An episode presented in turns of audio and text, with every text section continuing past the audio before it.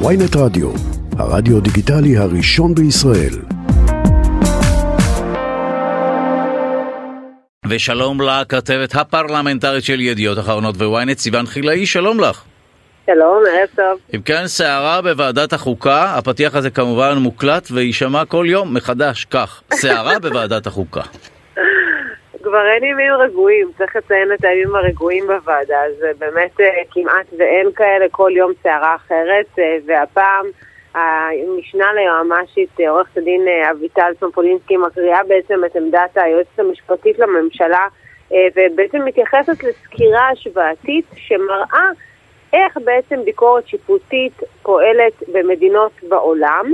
אמ, אנחנו גם פרסמנו את הסקירה הזאת אה, הבוקר, שגם אה, עשו במרכז המחקר של הכנסת, ושם בעצם רואים שהרוב המוחלט של המדינות הדמוקרטיות, אה, יש אפשרות לבית המשפט העליון או בית המשפט לחוקה לפסול חוקים שעברו בעצם בפרלמנט, ובשום אחת מהמדינות האלה אין דרישה להחלטה פה אחד, כפי שדורש שמחה רוטמן אה, שחוק יוכל להיפסל בבית המשפט העליון אך ורק אם עבר בהרכב של, אה, בהחלטה בעצם של כל הרכב השופטים, 15 שופטים מתוך 15 שיגידו אנחנו פוסלים את החוק.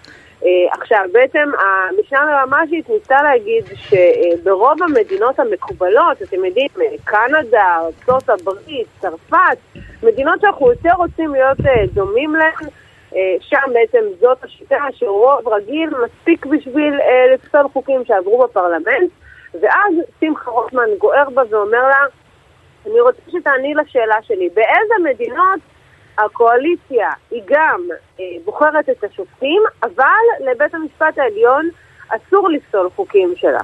אה, והוא ככה שואל אותי שוב ושוב ושוב, והיא מנסה... אני יודע, אני יודע מה הוא רצה להגיד, בריטניה וניו זילנד? כן. נכון. ואז, כן. היא, ואז היא אומרת, ניו זילנד, אז מה, אנחנו כל פעם ניתן את הדוגמה של ניו זילנד, אנחנו רוצים להיות, זאת המדינה שאנחנו בעצם נלך לפיה בכל הרפורמה המשפטית הזאת, כי בעצם הדוגמה הזאת של ניו זילנד היא, היא חוזרת שוב ושוב אה, כל פעם שאנחנו עוסקים באיזשהו סעיף אחר, אה, והיא אומרת, אנחנו בעצם רוצים להשוות את עצמנו לניו זילנד ולא למדינות כמו ארצות הברית, קנדה, מדינות באירופה, שבאמת אנחנו רואים שהרוב המוחלט זה, זה רוב שנותן בעצם למעלה מ-20 מדינות שבהן נדרש רוב רגיל בשביל לפתור חוק. אה, ולא אה, מדינות שבהן בית המשפט העליון בכלל לא יכול להתערב בפסילה של חוקים, שזה רק שבע מדינות אל מול עשרים. אז בעצם שמחה רוטמן אומר למשנה ליועמ"שית, את מציגה פה עמדה של היועמ"שית שהיא מוטה והיא אה, עושה מה שנקרא, אה, מציגה תמונת שווא אה, לציבור, ובאמת בקושי נותן לה להשלים את המשפט שלה. ובתגובה לזה, היועמ"שית גלי בהרב מיארה יוצאת בהודעה חריגה, אני אגיד, ובעצם אומרת לחבר הכנסת שמחה רוטמן, אנחנו נמשיך למלא את תפקידנו חרף ניסיונות ההשתקה. ובאמת זה היה מחזה ממש לא נעים לראות עד כמה מנסים כמה שמחה רוטמן מנסה ככה להכניס אה, אה, רגע, יש לנו את הקטע, אפשר לשמוע אותו? אז אנחנו נשמע אותו לרגע ואז נתקדם, בואו נשמע. אמרת שלא מצאתם מדינה שבה צריך פה אחד לביטול שופטים, נכון. האם מצאתם מדינה שבה בכלל, לא פה אחד, גם מעל פה אחד, בכלל אי אפשר לפסול חוקים, ועדיין הקואליציה בוחרת את השופטים? לבוא בסוף עם אה, מדינה אחת ולבוא ולהגיד... לא אמרתי מדינה אחת! רגע, היא לא מדברת, אתה מהלך על האימים כל הזמן, תן לה לדבר! סליחה, אביטל, אני אגיד לך למה אני מפריע לך שוב ושוב. כי את מצליחה שוב ושוב לומר משפט עם סימן קריאה. את מצליחה. כשבא לך. שהוא לא נכון. סליחה, כשבא לך. כשבא לך את אומרת משפט עם סימן קריאה. לא מצאנו אף מדינה ש... שמחה. והמשפט הזה נאמר בצורה מטעה, תפסיקו להפריע לו. אני מנסה להסביר את הטיעון. לא נעים. קצת נשמע כמו חיקויים בארץ נהדרת, וואו. מנסה משפט שם, אבל שמחה כל הזמן אה, נכנס לבין הדברים, וחברי הכנסת מהאופוזיציה, כפי שאנחנו שומעים, ממש אה, אה, כועסים על שמחה רוטמן, שהוא מתנהג בצורה כזאת. אה, בסופו של דבר אנחנו לא מדברים אה, על חברת כנסת שהוא מנהל איתה ויכוח. אה, בסופו של דבר זאת נציגת ציבור שבאה ומשמיעה את עמדת היועמ"שית לממשלה. זה התפקיד שלה, זאת לא דעתה האישית. זה משהו שהיא צריכה מתוקף תפקידה לבוא ולעשות. לא, גם הבעיה העיקרית זה שאסור לה, או אין לה יכולת באמת לענות לו כשהוא צועק עליה ככה, היא מאוד מאוד נכון. מוגבלת ביכולת שלה לענות לו. זה מה שמבאס. נכון, נכון, נכון. אה, אה, זה באמת היה לא נעים לראות, אבל אה, הדבר הזה הוא איזשהו אה, ספתח לשבוע מאוד מאוד אה, דרמטי שיש לפנינו. תעשי לנו סדר, כן, סליחה, אוקיי, מחר. אז, אז מחר אה, זו בעצם תהיה הפעם הראשונה שחוק במסגרת הרפורמה המשפטית מגיע למליאת הכנסת. צפויה להיות הצבעה אה, במליאה שתיפתח בשעה 4, הצבעה על אה, בעצם חוק השפיטה. שני הסעיפים שעברו בשבוע שעבר אחרי דיון סוער, שאנחנו אף אחד לא נשכח אותו, בעצם שני הסעיפים שנוגעים להרכב הוועדה למינוי שופטים ולמניעה מבית המשפט העליון לפסול חוקי יסוד.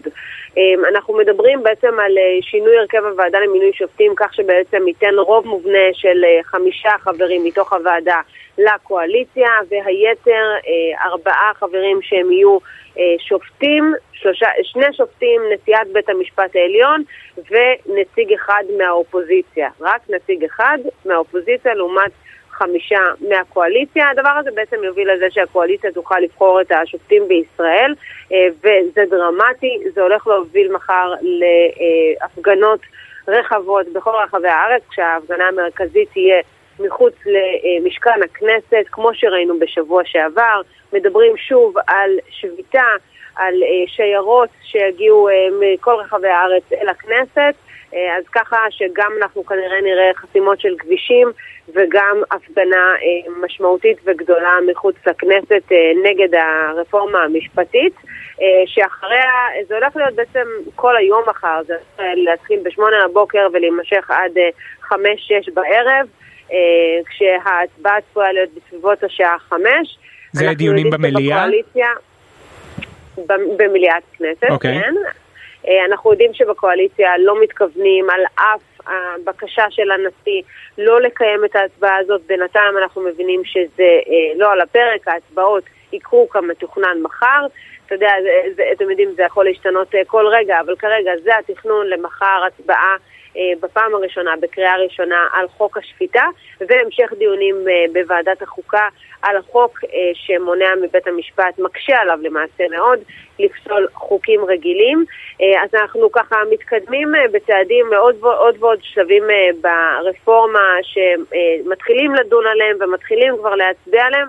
אז אני מניחה שגם מחר יהיה לנו יום סוער במיוחד, אה, ואפילו יש איזושהי סברה שנשיא המדינה יגיע מחר לכנסת. יכול להיות שהוא ישתתף בדיון בוועדת החוקה, אבל אני מבינה שהנשיא, אה, הוא אמנם לא הצליח לגרום לאיזושהי הידברות בין הקואליציה לאופוזיציה, בגלל שבאופוזיציה דורשים עצירה של החקיקה דבר ראשון, ובקואליציה לא מוכנים להיענות לתנאי הזה, אז יכול להיות שהוא יגיע מחר אל הכנסת וממש ינסה אה, אה, לדבר עם הנפשות הפועלות ואולי לדחות עוד קצת את ההצבעה הזאת ולקדם הידברות בין הצדדים. אני רק אה, לזכותו של שמחה רוטמן, אני ראיתי שנחמיה גרשוני בטוויטר אה, הראה ששמחה, או סיפר ששמחה רוטמן הציע היום לעודד פורר לקחת את ההצעות של פורר מהכנסת העשרים, עודד פורר הוא מישראל ביתנו, Mm. והוא כן. מתנגד לרפורמה. ואז שמחה רוטמן אמר לו, אז בוא ניקח את ההצעות שלך, ואז הוא מראה איך פורר בכנסת העשרים, שזאתי ה- של 2005 של 2015 עד 2019, ההצעות שלו היו הרבה יותר. אה, כאילו קיצוניות מאלה של. רוטמן.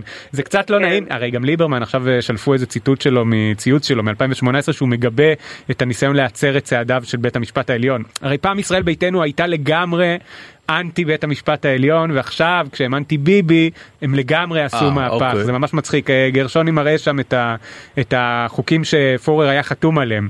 למשל שבית המשפט לא יוכל לבטל חקיקה אלא רק לדבר על אי התאמה כמו המודל הבריטי. או שהוא הציע לבטל את עילת הסבירות כמו שרוצים לעשות עכשיו ואפילו מעבר לזה.